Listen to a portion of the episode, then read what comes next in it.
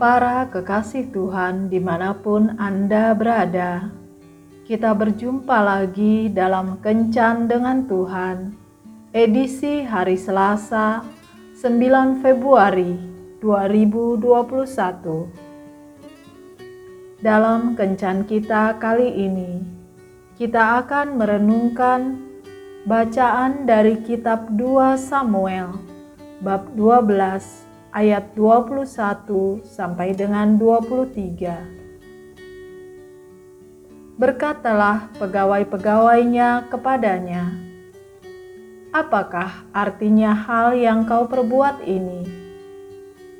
Oleh karena anak yang masih hidup itu, engkau berpuasa dan menangis. Tetapi sesudah anak itu mati, engkau bangun dan makan Jawabnya, selagi anak itu hidup, aku berpuasa dan menangis, karena pikirku, siapa tahu Tuhan mengasihani aku, sehingga anak itu tetap hidup. Tetapi sekarang ia sudah mati. Mengapa aku harus berpuasa? Dapatkah aku mengembalikannya lagi?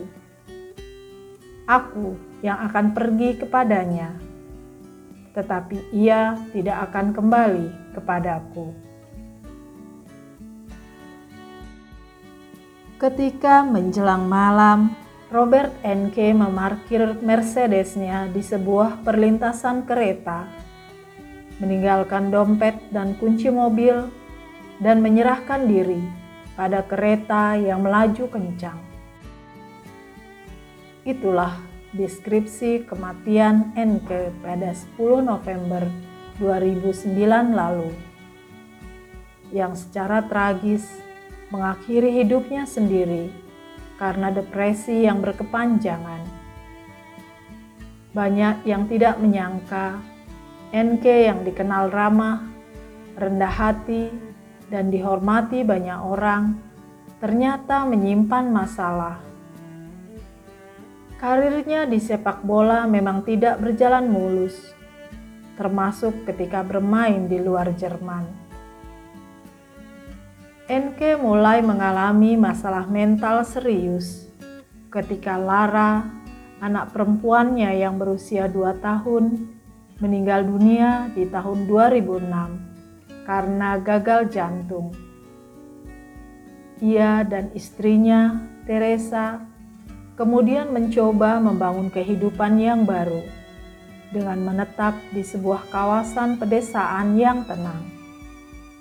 Mereka juga mengadopsi seorang bayi berumur tiga bulan yang diberi nama Leila. Waktu dia depresi akut, itulah periode tersulit. Kami pikir kami telah mengatasi semuanya, kami pikir bahwa dengan cinta kami bisa menghadapinya.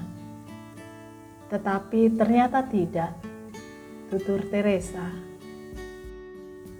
Rupanya kasih sayang istrinya dan kehadiran putrinya Leila tidak mampu menghilangkan duka cita NK.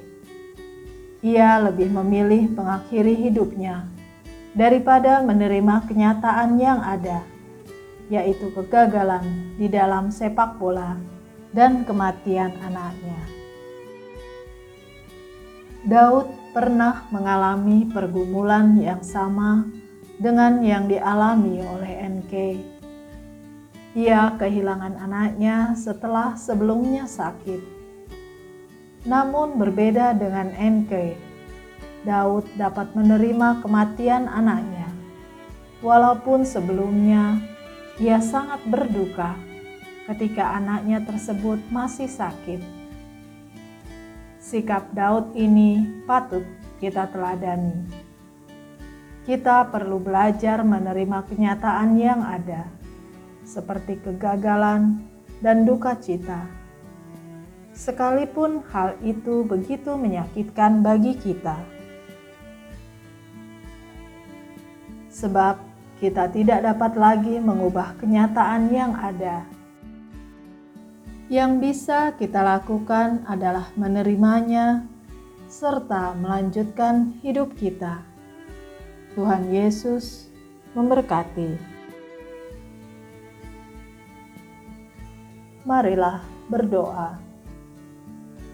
Tuhan Yesus, mampukan aku untuk menerima kenyataan yang ada dan melanjutkan hidupku, karena aku percaya rencanamu indah bagiku. Amin.